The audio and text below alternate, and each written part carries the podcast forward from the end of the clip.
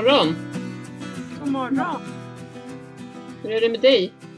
Jo då, jag är lite trött så här efter helgen men eh, måndagar brukar vara lite återhämtningsdag för mig så jag ska faktiskt eh, jobba mest framför datorn nu på morgon, förmiddag sen efter vi har poddat. Ja. Återhämta mig lite.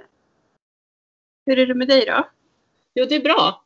Men jag är också trött. Det har varit mycket egentligen hela förra veckan och helgen och sådär. Det är sak- saker att göra i stort sett hela tiden känns det som. Även om det är, så här, tiden med hästarna är väldigt rolig och ger också återhämtning så är det mycket, det är liksom ett tajt schema många gånger. Nu är det ju, som vi har pratat om, så är det både fix med sommarhagar och vi bygger vindskydd och men det är mycket på gång liksom. Eh, Och sen så mycket med jobb och sådär. Så att, eh, ja, det är tajt. Men eh, det är ändå skönt att det är en ny vecka tycker jag. Den här veckan är en kort vecka för, för barnens del här hemma. Det är ju röd dag ju i veckan här. Torsdag, fredag är ledigt så att det ska bli skönt också. Då ska vi faktiskt åka iväg till barnens farmor för hon har fyllt år så vi ska träffas utomhus för då skulle det vara fint väder. Det, det är ju faktiskt någonting jättepositivt att det ser, ser ut som att blir väldigt fint här nu framförallt imorgon och framåt. Ja, det verkar ju som att det ska bli jättehärligt väder och det passar ju perfekt för eh, eftersom det är långhelg nu också den här veckan. Ja. Jag som har varit på återbesök här, jag och Herman i fredags. Ja, var du hos tandläkaren? Ja, precis. Vi var hos tandläkaren, Herman och jag. Eh, och då hade det gått då tre månader sedan vi var där sist. De, han tog ut en och en halv tand kan man väl säga då. Han hade en tandfraktur också som de plockade bort lite en del av. Alltså den här P2, alltså den i, i käken längst fram där som han eh, ja, hade ju liksom nötit ner ända till tand, tandens rot nästan. Så att det var bara att plocka bort den. Och det var en ganska lång tandrot han hade också. Så att det blev ett ganska rejält liksom, ingångshål efter att de tog bort den här tanden. Och, men det hade läkt ihop jättefint. Så att nu var det då dags för återbesöket här då. Tre månader efter. Och jag hade ändå ganska bra förhoppningar. För de som har lyssnat på podden tidigare när jag pratat om Herman och hans tänder har ju hört att det var ju väldigt så här, väldigt osäkert om han ens skulle kunna få vara vid liv liksom. För då hade jag ambulatoriska ut hit och de tyckte i stort sett att det finns ju en risk att Herman inte kommer kunna leva så länge till, att du kanske måste ta bort honom. Så de tyckte att jag skulle åka in då på klinik och få honom röntgad och då också ta bort de här tänderna som var besvärliga för honom. Eh, men de kunde inte säga liksom på rak arm exakt vad som behöver göras för de menar på att det kan vara en röntgen som behövs och sådär. För att veta. Men i alla fall så var vi in där och, och ja, det var, såg inte bra ut i munnen då första gången vi var in, som sagt, där i februari.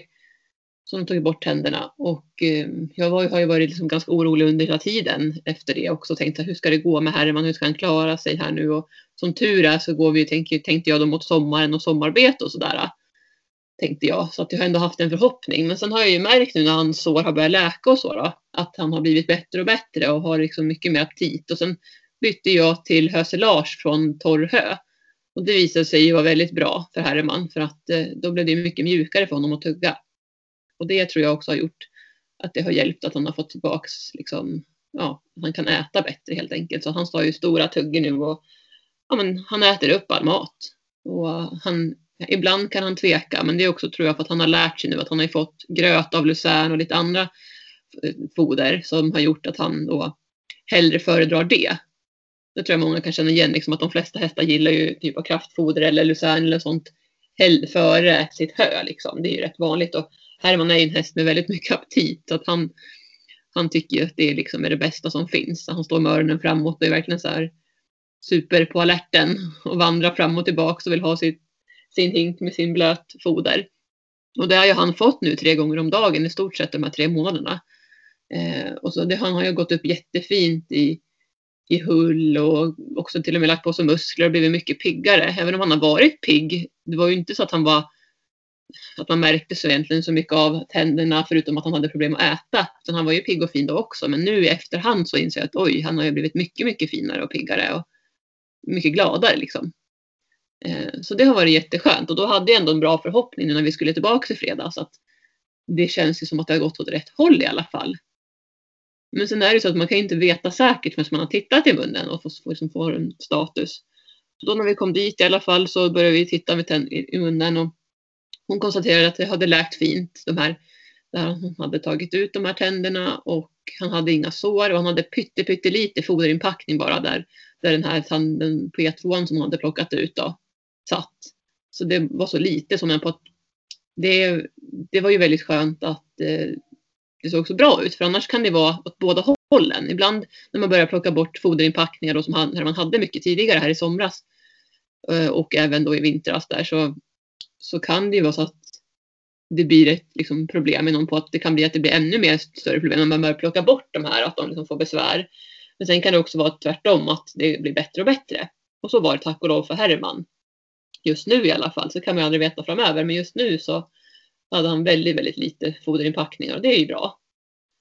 Eh, och sen så hade han ju också då en tandfraktur som, eh, som vi såg förra gången också. Men den var, den var så pass stabil så att vi gjorde ingen röntgen då utan vi sa att vi sparar pengarna på behandling istället och, och liksom se till att, han, att, han, att det går åt rätt håll, att han blir bättre, vilket han då har, har blivit. Och samma sak den här gången så satt han den också stabilt och bra. Så då sa vi att då avvaktar vi ytterligare med att plocka bort den här tanden för det är dumt att plocka bort den i onödan. Den är ändå så liten eh, så att eh, det kan ja, det kan snarare bara, bara bli mer besvär av att man ska hålla på där och plocka bort tanden just nu. Man vet heller inte hur stor tandroten är. Oftast så brukar ju tandrötterna på äldre hästar vara mycket mindre än på, på yngre hästar. Ehm, men man vet inte och med tanke på att Hermans P2 där som vi tog bort sist hade väldigt lång tandrot så kan det ju finnas en tanke om att den, an den andra tanden också hade det. Det som jag tycker är lite, ja men vad ska man säga, inte kul kanske men alltså så här lite intressant är att Herman, han är ju världens liksom lugnaste och snällaste häst och trots att han var så otroligt trött av den här lugnande medicinen så, så vill han ju inte vara stilla med munnen. Sen han ska ju liksom gapa och greja med tungan och hålla på så att han fick ju också som någon lokalbedövning som jag förstod i munnen för att kunna slappna av mer. Han hade också så här luva för öronen också för att han skulle liksom inte höra lika mycket ljud och sånt där runt omkring. Um, så att, eh, nej men han hade lite problem med att liksom vara still och det var också en anledning till att ja men, man får ju ta lite det säkra för det osäkra. Det är dumt att börja försöka plocka bort en tand också om inte hästen står helt still. Mm. Så kan man inte bara heller ge massa lugnande och lugnande hela tiden heller utan det måste finnas en gräns också. Eh, så att den har, ofta så sa han att äldre hästar har lite högre integritet också där och vill gärna inte att man ska vara där och plocka men de är liksom vakna vad ska man säga, mentalt. Men de är väldigt trötta i kroppen och egentligen sover de men de liksom vill inte, vad ska man säga, slappna av tillräckligt. Sa hon och det kan jag också hålla med om. Och sen också när man är lite ranghög då som Herman är så där så är det kanske ännu svårare också tänker jag. Nej men så det känns jätteskönt i alla fall att eh, prognosen såg bra ut och jag ställde frågan till henne så att jag förstår att det är svårt men skulle du kunna uppskatta ungefär livslängden på Herman nu då? Ja, sa hon, det är klart att det är svårt att säga, så allting kan ju hända liksom. Men som han ser ut nu så skulle han ju kunna leva fem år till i alla fall, sa hon. Och då kändes det som en lättnad för mig. Det är klart att man helst vill att sin häst ska bli över 30 år liksom, men här har man ändå fyllt precis nu 24 och om han får bli 29, det skulle ju vara jättefantastiskt. Men det viktigaste är att han inte har ont och att han ändå kan tugga sin mat bra och inte får massa andra följdproblem med kolik och sånt. Så men det kändes ändå skönt att få höra det. Så, att, som, så som det var sist där i februari då var jag ju rädd att jag skulle behöva ta bort honom liksom, nästan på direkten. Jag hade börjat gå i de tankarna. Eh, tänk om liksom. Så det, så det har verkligen blivit en lättnad. Så det ja. känns skönt. Tänk vilken skillnad det kan vara beroende på vilken veterinär som kommer och kollar på hästen. Verkligen. Och inget ont om de som jag haft tidigare liksom. Men det är ju det, det är som du säger, det är, ja, alla har ju olika erfarenheter skulle jag också säga. Kanske har varit med om andra hästar där det inte har gått så bra och så tänker man att ja, men det här är en häst med liknande symptom så det kanske inte kommer gå så bra för den här hästen. Men som du säger, det gäller ju att ta ett steg i taget.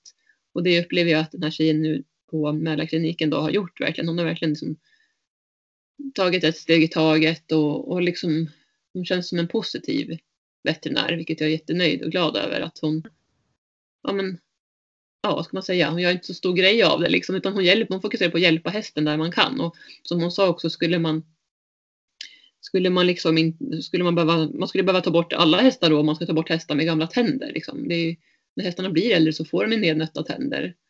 Så länge de bara kan tugga sitt foder bra. Och hon sa också att man får ju titta på hästens hull och hur hästen ser ut i kroppen och hur den är. Men liksom, både psykiskt och fysiskt. Och det ser man ju på Herman att han är ju jättepigg och fin. Han ser jättefin ut i hullet. Hon tyckte också till och med att han hade gått upp i vikt. Annars så var jag, tänkte jag ju tvärtom där i februari att tänk nu om han går ner i vikt så fort när, när han tappar sin vinterpäls och han kanske börjar se mager ut och så. Så tänkte jag då i februari. Men istället så har vi kunnat vända det till, till det bättre nu. Så och se om jag kan lägga ut någon film på Herman när han springer och busar. Han är ju nästan den som är busigast av alla hästar nu. Mm. och försöker få fart på Gingis och springer och biter honom i haserna och stegrar sig mot varandra och så. Nej, så det är jättehärligt att se. Eh, vi har återbesök i september då, om fyra månader, så det blir ju inför hösten då. då. Hon frågade också att kommer han gå på bete sen i sommar? Ja, men det kommer han göra förhoppningsvis om det funkar nu med alla hästar. Så är planen att han ska få göra det, i alla fall dagtid, så kanske de får komma hem på, på nätterna då. Så det är ju också bra när hästen eller hästar får tugga gräs, för det är lite mer lättuggat än, än höt. Så ja, så, så ser det ut med Herman. Ja, vad härligt att det, att det var positiva besked när du åkte på återbesöket nu efter ändå tre månader det är ganska lång tid så det hinner ju hända ganska mycket då. Mm, verkligen. Men det är jätteskönt. Verkligen. Ja, vi håller tummarna för att det ser bra ut i september också då. Ja, verkligen. Men ska man få lite regelbundna kontroller tror du? Jag tror att det kommer bli så. Nu sa vi liksom fyra månader framåt. Eh, vi pratade inte någonting om det, men jag tror att det kommer bli så. Alltså, jag är så här, vi, tar ett återbesök i taget, sa jag till henne och jag, hon höll ju med om det. Liksom. Man får ta ett återbesök i taget och se vad man kan göra där och då. Mm. Eh, och nästa gång så kanske vi tar bort den här tandfrakturen då som man har. Den är så pass, tanden är så pass avsmadnad nu på grund av att den är nednött. Så att, och därav att det också har blivit en fraktur. Det är inget trauma som har skapat frakturen utan det är för att tanden är så pass liten. Um, så att uh, ja, vi, vi får ju se liksom. Vi får ta ett återbesök i taget och se vad som händer. Och jag menar, det är klart att jag kommer vara mer nervös förmodligen eh, i september eftersom att då börjar man ju närma sig hösten och vintern och han ska liksom klara en vinter. Men eh, som hon sa, som hon sa, som han ser ut nu i munnen så fem år till. Men det är många vintrar. Så då, jag hoppas på det. Ja, vi får, man, man får vara noga med att liksom inte ta ut något i förskott. Utan det är väl bra att tänka som du gör att man tar ett återbesök i taget och ser hur det ser ut då med status. Ja, och så tänker jag också att jag är så tacksam. Jag är det kan låta lite klyschigt att säga så, men jag är verkligen det. Jag känner så här, det blev som ett litet uppvaknande nu det här att verkligen uppskatta tiden man har med Herman nu som är den äldsta hästen jag har och som jag också haft i 20 år. Jag menar, det är klart att jag uppskattar honom, men jag känner att jag gör det ännu mer nu och verkligen tar inte dagarna för givet utan att jag, jag liksom gläds åt varje dag kan jag väl säga. Framförallt de dagarna jag hanterar honom och tränar honom och sådär. Eh, och även förstås när man går i hagen också. Liksom. Man får en liten extra puss här och där och så. Eh, så att det, ja, det, det, vill jag verkligen förmedla till alla där ute som har äldre hästar. Att ta inte dagarna för givet utan uppskatta dem där och då när man har dem vid livet. Skulle jag säga. Ja, det, det säger någonting väldigt viktigt. Man ska verkligen vara tacksam för det man har och det försöker jag också påminna mig själv om. Mm. Ja, jag tänkte så här, jag sa till Herman, nu har ju vi åkt till veterinären varenda gång vi ska lasta liksom. Jag sa det nu eftersom att han har blivit pigg och fin. Jag har till och med också ridit lite grann så här. Tog faktiskt till och med någon liten galopp på honom häromdagen. Eh, så sa jag det att ja, men vi kanske ska åka till Josefin och rida någon dag. Ja. vi får se vad du säger också om det. Ja, det var inte vara någon långsväng. Man kan ju ta någon liten tursväng eller kort sväng bara och skritta liksom och en liten trav och så. Bara för att han får komma ut och göra någonting kul så att det inte bara blir återbesök till veterinären kanske den sista tiden han har nu de här åren eller vad det nu blir för honom. Kul att göra lite annat så länge han kan och orkar. För sen kommer han inte orka, alltså, sen kommer inte jag kunna rida överhuvudtaget på honom när han ska pensioneras helt. Så. Ja. Nej, du får passa på nu när han verkar vara så fin och fräsch och pigg. Ja, precis. Vi kan försöka få till det i sommar tänker jag. Ja.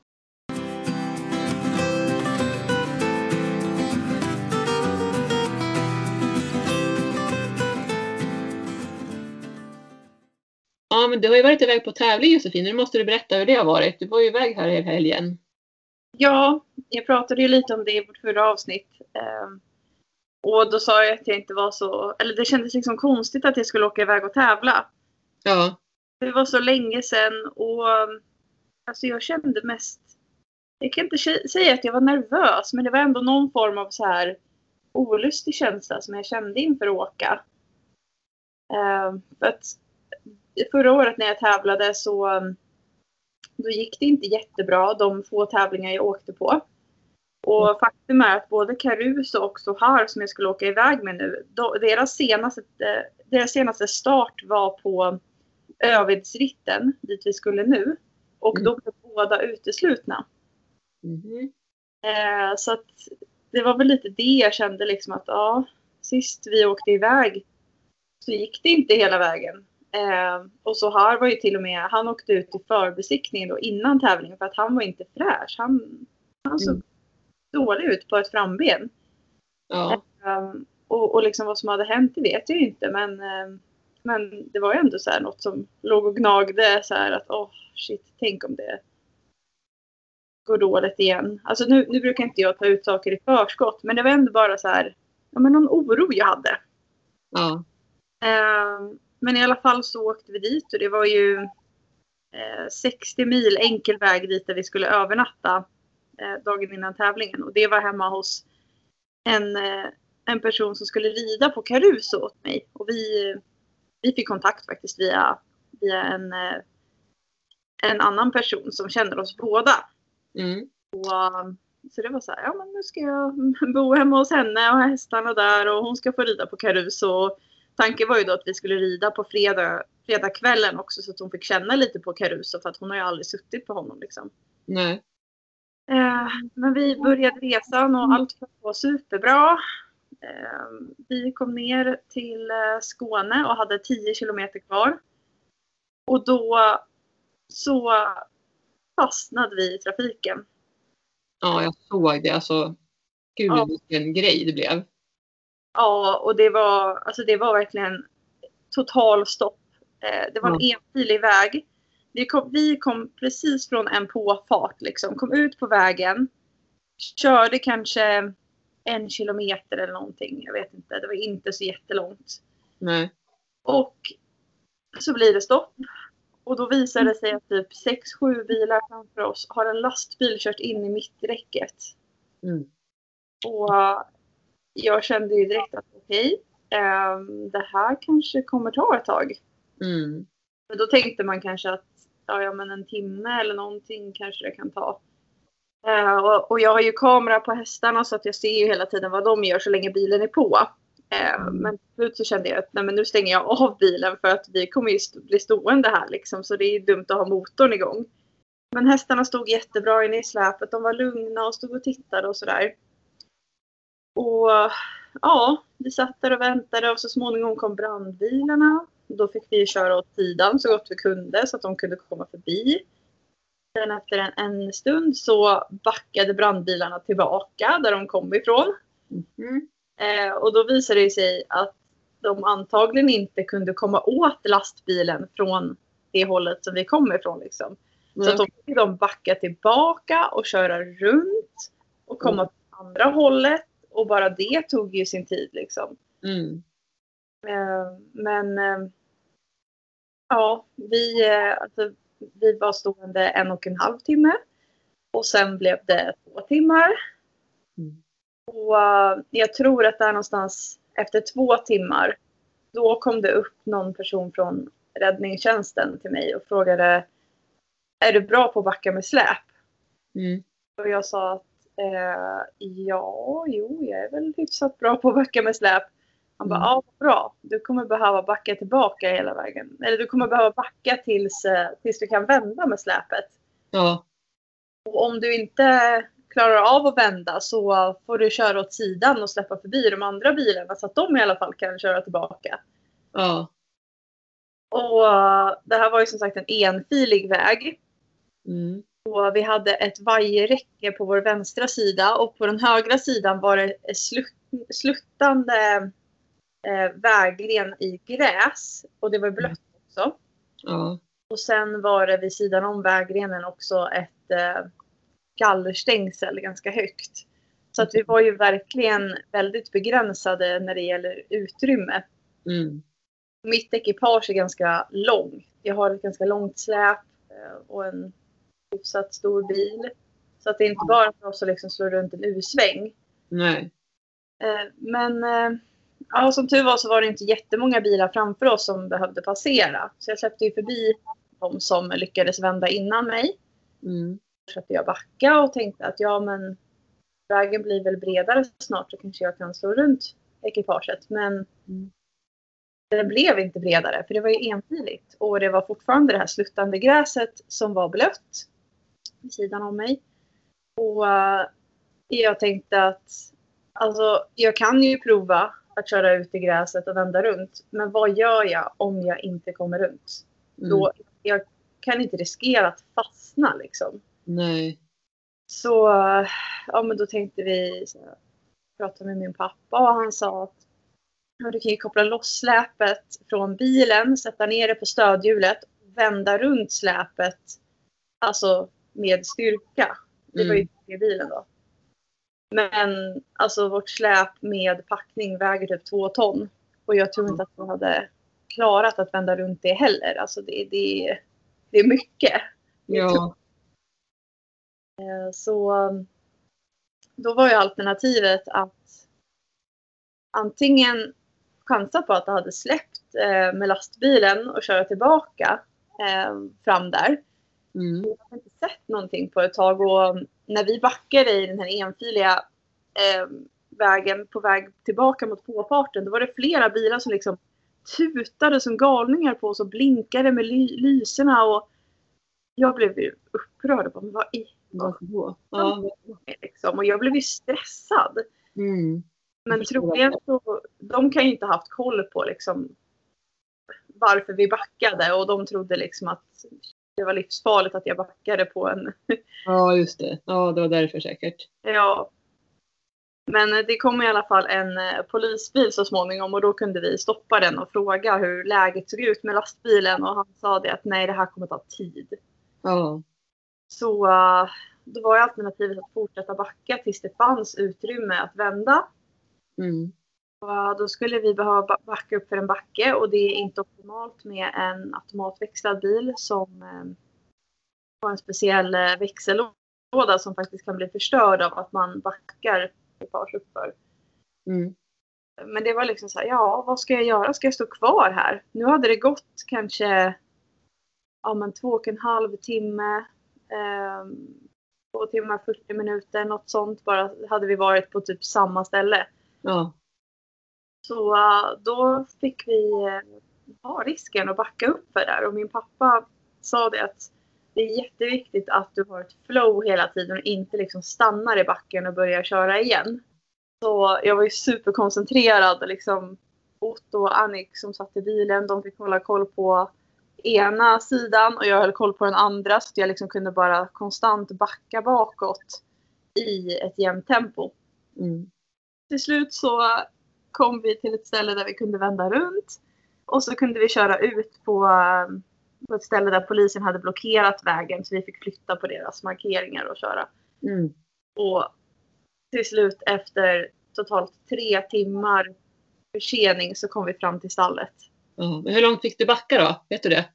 Eh, jag vet inte i distans hur långt det var men alltså, jag höll på i 30-40 minuter och då var ju det inklusive någon, någon paus där jag liksom hade stannat och försökt utvärdera om jag kunde vända eller vad vi skulle göra och så. Men eh, allt som allt var det i alla fall en halvtimme som vi höll på. Ja, så wow. Bra jobbat verkligen. Ja, tack. Vilka kämpar ni är. Ja, det var, det var liksom väldigt mycket fokus som gick åt på det där. Ja, jag måste förstå. Du måste ju varit jättetrött efter det. Ja, det tog alltså 11 timmar att ta oss ner till Skåne. Det skulle ha tagit typ 8. Mm. Och vi kom fram alltså tre timmar senare till stallet än vad vi hade tänkt. Så att vi skippade ju idén med att vi skulle rida på kvällen och vi fokuserade istället på att gå med hästarna och röra på dem, låta dem beta gräs. Mm. Sen, eh, vi hade ju liksom sett framför oss typ att vi skulle vara framme kvart över fyra, halv fem någon gång. Ja, Mm. lasta av, fixa med hästarna, åka och handla, äta middag på någon restaurang och liksom ladda upp och så. Men det blev inte alls som vi hade tänkt oss. Ehm, men ehm, sen var ju också en annan grej att Caruso, han, eh, han reser väldigt bra. Han äter och dricker och han liksom, ja men han gör sina behov så att säga. Men så Mm. han, han, eh, han åt väldigt dåligt på resan ner och han drack dåligt. Och även inne i stallet på natten inför tävlingen hade han ätit jättelite och inte druckit särskilt mycket. Så att jag kände ju på mig att vi låg på rejält minus inför tävlingen. Mm. Så på tävlingsdagen så fick vi faktiskt inga anmärkningar i första besiktningen innan tävlingen. Nej. Men eh, jag, alltså jag förväntade mig lite att det skulle komma efter att, ja, allt eftersom. Just det. Så, Men ber- Berodde det på resan eller att han blev så? alltså, jag, jag, han är ju lite mer så här att han vill hålla koll på läget och så. Han var jättelugn i släpet och avslappnad. Men han har inte samma, alltså även hemma är han så här att han, han dricker inte så mycket om han står inne på nätterna. Han äter inte så mycket. Han Mm. gillar liksom att vara ute i hagen och där han har allting och han ser ordentligt och han är ju flockledare liksom. Mm, just det. Och det här är ju en... Dels är det väl en vanesak men sen är de ju så olika som individer också. Han är en sån som reser lite sämre. Mm. Då var det ju inte optimalt för honom att behöva stå tre timmar extra i ett släp. Nej. Där han verkligen inte kan röra på sig heller. Nej. Så um, ja, men han hade liksom med sig det här att han inte hade så mycket aptit. Och inte heller törst. Och hästar är ju, alltså det är så sjukt men de, när de blir uttorkade framför allt, då stänger typ allt ner. De går in i något läge då de liksom bara, ja men, bara blir som apatiska liksom. Ja. Så hade det inte blivit för honom. Men, men det är liksom så illa som det kan bli med hästar. Och det det är någonting som vi i vår sport eh, behöver. Det är därför vi har våra kontroller. För att vi ska hålla koll på att hästarna äter och dricker ordentligt. Mm. Kunna prestera. Eh, men eh, då, eh, första slingan var fyra mil. Och eh, Sohar var otroligt taggad i starten. Caruso var ganska lugn men de båda blev taggade ute på banan sen. Mm. Och vi valde att eh, rida själva då för att hästarna skulle kunna hålla fokus. Och som sagt den andra ryttaren hade ju aldrig ridit Caruso heller. Så att eh, hon fick verkligen lära känna honom där ute på medan vi red. Ja. Men eh, hästarna kändes jättefina och nu fokuserar jag ju mest på Sohar då för att det var ju han som det var lite problem med då. Mm. Jag kände väl ändå att han liksom, han var superpigg och fräsch hela slingan runt. Vi kom in till eh, tävlingsområdet igen och eh, då ska man ju pulsa ner hästarna. Båda var nere i puls direkt när vi kom in. Vi bara hällde lite vatten på dem och så gick vi in till veterinären. Och då, eh, då gick det jättebra med Caruso men Sohar hade dåliga tarmljud. Och det brukar de ju, det beror ju ofta på, det hänger ihop med mat och vätska. Ja. Eh, Och veterinären sa det liksom att hans tarmljud är inte okej. Ehm, Du behöver komma tillbaka för en återbesiktning efter vilotiden så vi hör att, han, att hans mage har kommit igång ordentligt. Mm. För de här grejerna om, om de liksom fortsätter att vara dåliga med tarmljud och så då kan ju det eh, leda till att de får koliksymptom och sånt också. För att Mm. I magen liksom. Så vi gick vilotiden och så har vi fortfarande inte ätit ordentligt och vi fick ju kämpa liksom. Nu i coronatider så får man bara ha en medhjälpare med sig per häst och det kan jag säga att det var ju tufft nu när vi hade en häst som behövde så mycket fokus. Så att jag glömde ju att gå på toa. Eh, vilket jag kom på senare när det var för sent. Eh, och ja, men det var så mycket fokus på så här liksom och, och mata honom och försöka med allt bara se om han ville äta något. Och precis innan vi skulle tillbaka på återbesiktningen efter 30 minuter vila. Då kom han på att han ville äta eh, grannarnas hö, alltså några andra som var där, deras hö tyckte han var gott tydligen. Så att Ja jag snodde lite från dem. Ja. Jag tog bara någon tuss liksom och så matade jag honom i farten medan jag gick med honom. Ja. Så att han hade fått i sig lite mat i alla fall men absolut inte så mycket som jag hade hoppats. Eh, vi besiktade honom och veterinären sa att tarmljuden låter likadana fortfarande. Det har inte blivit någon förbättring. Men han har inga andra anmärkningar. Mm. Så uh, hon sa att han är okej att gå ut på nästa slinga. Men du måste hålla koll på honom. Hur han känns. Och att han äter ute på slingan. Mm. Och jag frågade henne verkligen för att förtydliga. Liksom, okej, du tycker att det är okej att han går ut på nästa slinga? Och för hade hon sagt då nej jag tycker egentligen inte det är bra. Då hade jag avbrutit tävlingen. Ja. Jag kände också att han var liksom påverkad av det här. Mm.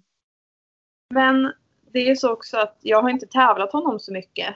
Eh, så att jag vet inte heller liksom, de hamnar ju ofta i svackor. Och jag har svårt att liksom placera hur så här är när han är i en svacka. Och hur han tar sig ur den till exempel. Mm. Men i alla fall fick vi komma ut på slinga två. Jag sa till mitt team att plocka gräs, ta med er morötter, ta med all mat. Vid varje stopp som vi möter er så mata, försök bara mata honom med vad som helst. Mm. För de hade ju med sig liksom en hel buffé ute på slingan. Eh, och då hade vi som sagt ridit fyra mil första slingan. Så kom vi ut på nästa slinga. Och efter ungefär, ja, när vi har ridit kanske sex mil. Då började jag känna att han bromsade in där det var vattenpölar på marken. Och det, han ville ju dricka. Ja. Eh, och det hade inte han börjat göra ordentligt innan. Så att han fick stanna vid någon vattenpöl och både han och Caruso eh, drack. Det, vi skrattade, jag och Liv som red Caruso och sa att ja, vi ger våra hästar liksom färskt, eh, rent dricksvatten i stallet och är jättenoga med liksom hygienen på vattnet. Men när man är ute så här då har de inga problem att dricka ur en vattenpöl som liksom är helt lerig. Nej, det är, det är det som är lite kul. Jag har också varit med om det när jag var ute på Ja. långritt med Herman tidigare när han var yngre. Att det var, han kunde stanna och dricka ur vattenpölar liksom. Ja. Alltså, Det är hästar liksom. Det var naturligt för honom. Ja. Men, eh, men i alla fall så började han dricka lite då och sen kom vi till nästa gromstopp och då tuggade han i sig lite mat också och började dricka lite till.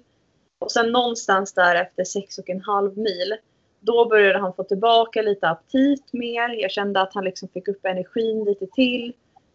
Eh, Jag matade honom med farten också. Jag plockade grenar medan vi red. Jag hoppade av där det var så här obligatorisk skrittpaus. Eh, Och så gick jag bredvid honom och plockade gräs och matade honom samtidigt.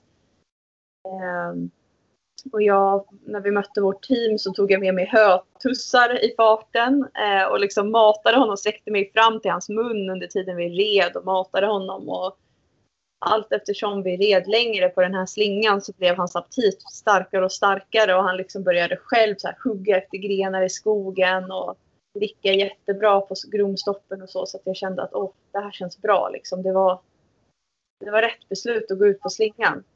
Mm. Han behövde bara lite tid på sig låter det som. Ja, och det, det är så himla svårt att veta det här. Man, man lär ju känna sin häst som sagt mer och mer ju mer man tävlar den.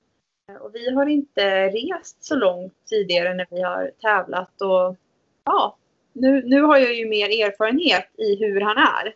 Och efter, efter den här slingan då så var ju tarmljuden mycket bättre. Men han var stel i bakdelen istället. Det hade jag känt också ute på slingan att han började kännas lite trött sådär. Och det var en del backar upp och ner och sådär. Och det var mycket trav. Eh, för det var hårt i marken och lite stenigt och jag ville inte att vi skulle galoppera allt för mycket då. Och trav är väldigt liksom monoton rörelse och då blir de lätt stela i bakdelen. Ja. Jag fick en till återbesiktning efter vilan och eh, då var det ju för att han, han var väldigt muskeltrött eller liksom lite öm i musklerna så här, som man kan bli själv om man har ansträngt sig mycket. Ja, och sen inte fått i sig tillräckligt innan heller. Så det är ju typ som om man själv ska ut och träna och springa eller vad som helst. Och så har man Mm. ätit dåligt eller inte fått i sig tillräckligt med energi. Ja, Då blir man ju mer påverkad. ja Det också i hans fall. exakt. Och veterinären sa det. Alltså, rör på honom jättemycket i vilan och massera igång honom liksom. Så kommer du tillbaka sen så får vi se hur han ser ut. Vi vill ju inte att han ska gå ut på sista slingan och ha jätteont i musklerna eller liksom vara öm hela vägen. Utan det är inte schysst för honom. Nej. Så vi gick tillbaka till viloområdet och då kissade han också. Och det var något jag hade misstänkt att han var kissnödig. Och då kan de också bli lite extra spända liksom i bakdelen framför allt. Just det. Ja, det är sant. Så att han lättade på trycket och vi eh, rörde på honom. Han fick äta medan vi gick med honom så att han liksom höll igång. Och vi masserade honom ordentligt. Och så besiktade vi och han blev godkänd och att gå ut på sista slingan. Yay! Och eh, sista slingan var två mil. Eh, och vi, vi tog oss igenom den och hade då avklarat tio mil, båda hästarna. Och eh, ja, vi galopperade i mål en ja, den biten som gick att galoppera för det var väldigt blött på mål, eh, raken mot målet. Så vi, vi tog en liten galopp bara för att det, jag tycker det är härligt att galoppera sista biten. Men eh, eh, ja, det var målgång och så pulsade vi hästarna och de var typ nere i pulsväck också. Men vi tog det lite lugnt och rörde på dem så att de inte skulle stelna till. Mm. Och då blev båda godkända i mål och det var så här, ja men jag blev så glad. Det kändes liksom som det tårade sig lite i ögonen och Mm, förstår jag. Gud vad bra jobbat. Ja tack. Det var verkligen en pers alltså. Alltså tio, bara, bara att rida tio mil och sen med all, alla liksom trafikstockningen på vägen ner, tre timmar för sent, du fick backa med släp i liksom över en halvtimme. Och, och sen att också så här hade problem med att äta och dricka och allt det här. Alltså det var ju verkligen, ni hade ju lite oddsen mot er om man säger på ett sätt.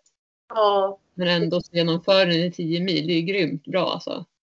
Ja, och det kändes liksom extra skönt då såklart. Eh, och sen också dessutom att båda förra året blev uteslutna på den här ritten och så gjorde de comeback på samma ritt och blev godkända och, och dessutom gick de en högre klass. Så eh, Caruso, för att nämna honom också, han, han var ju helt okomplicerad och skötte sig liksom helt perfekt eh, med allt. Han, han var en riktig stjärna så att han Eh, även om han kanske inte fick lika mycket fokus av mig, jag red ju på så här då, men eh, så alltså, var jag väldigt noga med att liksom, uppmärksamma honom efteråt och liksom, klappa och gosa på honom. Och mm. Han gjorde en superprestation verkligen. Och det var så härligt att se liksom, hur erfaren, han beter sig verkligen som en erfaren distanshäst. Mm. Där, eh, där så här har ju mer att lära sig där liksom. Att han mm. behöver äta och dricka och, och måste kunna slappna av ordentligt. Mm. Men det kändes lite som att poletten trillade ner för så här efter den här tävlingen. Mm. För eh, från typ andra slingan eh, efter den då började han verkligen vräka i sig mat och hade jättemycket aptit och i stallet liksom drack han och åt och alltså det var som att han typ fattade att okej, okay, mm. jag måste göra det här för att kunna prestera. Ja. Jag tror att det kan vara så ibland för dem att han har liksom inte behövt det förut. Han har, han har klarat sig väldigt bra på att mm. eh, inte äta så mycket och inte dricka så mycket för att han har inte gått de här längre distanserna. Nej. Men jag tror verkligen att han har blivit en erfarenhet rikare också i hur han behöver eh, hur han behöver bete sig för att kunna må bättre eller prestera bättre rättare sagt. Ja. ja, det låter verkligen så. Och sen där tror jag också att du, det känns som att du fick ju peppa honom till att äta och du matade honom under ritten och så här. Att det också påverkat. Han tänkte, ja ah, just det, aha det är så här jag ska göra, det är det här du vill att jag ska göra. Ja. Och så kommer aptiten liksom. Och där är det jätteviktigt att man liksom erbjuder olika saker. Mm. Alltså, jag märkte att han ville ju eh, noppa åt sig grenar ute på träden med, med löven på. Då. Så då passade jag på att bara plocka dem som jag, visste, som jag märkte att han hade aptit för. Och så började det så och sen så småningom ville han ha hö och sen ville han ha morot. Ja, och så fortsätter det så. Men man måste vara väldigt noga med att verkligen eh, prova lite olika. Man kan inte bara tänka att nej men åh, han måste äta gräs eller han måste äta hö. Nej, nej, Nej, det ser jag någonting. Alltså få igång magen, få igång aptiten. Det kan ju bli samma för oss ibland också om man är lite nervös eller spänd och man tappar aptiten lite grann. Sen när man börjar äta inser man att man är väldigt hungrig. Precis. Uh, ja, så att det, det var verkligen en pers och alltså som sagt jag jag var ju lite omotiverad inför tävlingen och kände att det kändes lite jobbigt att åka iväg. Men eh, det var ju ett sånt himla skönt slut på alltihopa och jag är jätteglad att vi åkte och känner mig liksom mycket mer peppad efter det här. Att det känns så skönt och att det var värt det och liksom, ja, jag är bara glad. Så ehm, ja, nu känns det liksom härligt igen.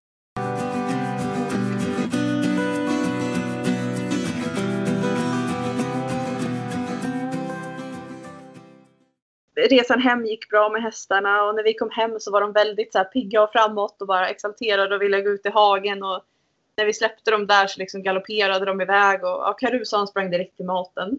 Ja. det är ju en del om deras personligheter igen. Vad kul.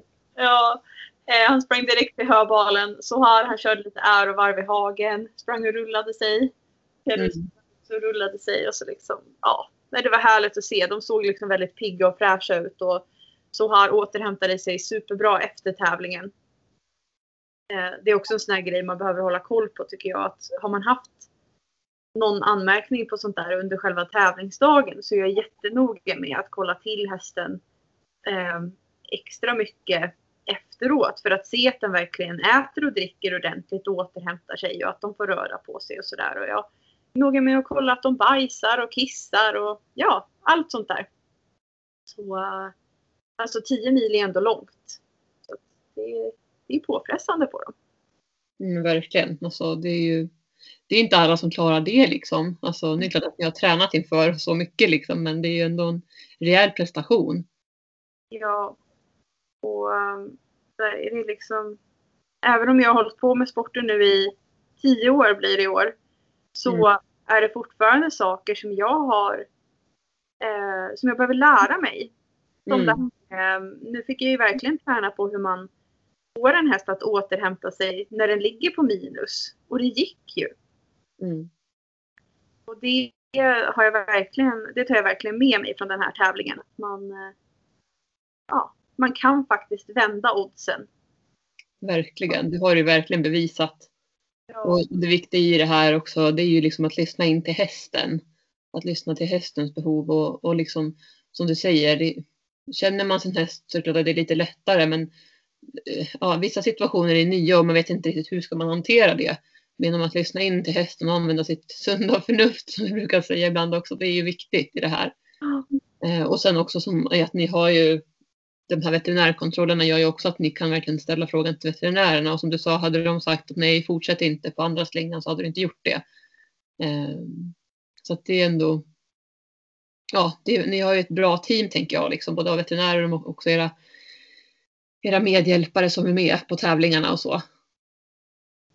Där säger du något jätteviktigt med vår sport och det är just att vi har speciella veterinärer som är utbildade för det här ändamålet. Att, att, alltså, som veterinär så kan man behöva eh, Alltså har man ingen erfarenhet av distansritt och distanshästar så så är det faktiskt vissa saker som man behöver ha mer koll på som veterinär tror jag. Nu är ju inte jag veterinär och sitter och uttalar mig om det här men jag tänker liksom att eh, som jag uppfattat det så är det vissa saker som du behöver vara extra uppmärksam på när du är veterinär på en distanstävling. Som just det här med vätskan och tarmljuden och det. För att som i vårt fall så skulle vi ändå rida fyra mil efter första veterinärbesiktningen då han hade anmärkning på tarmljud.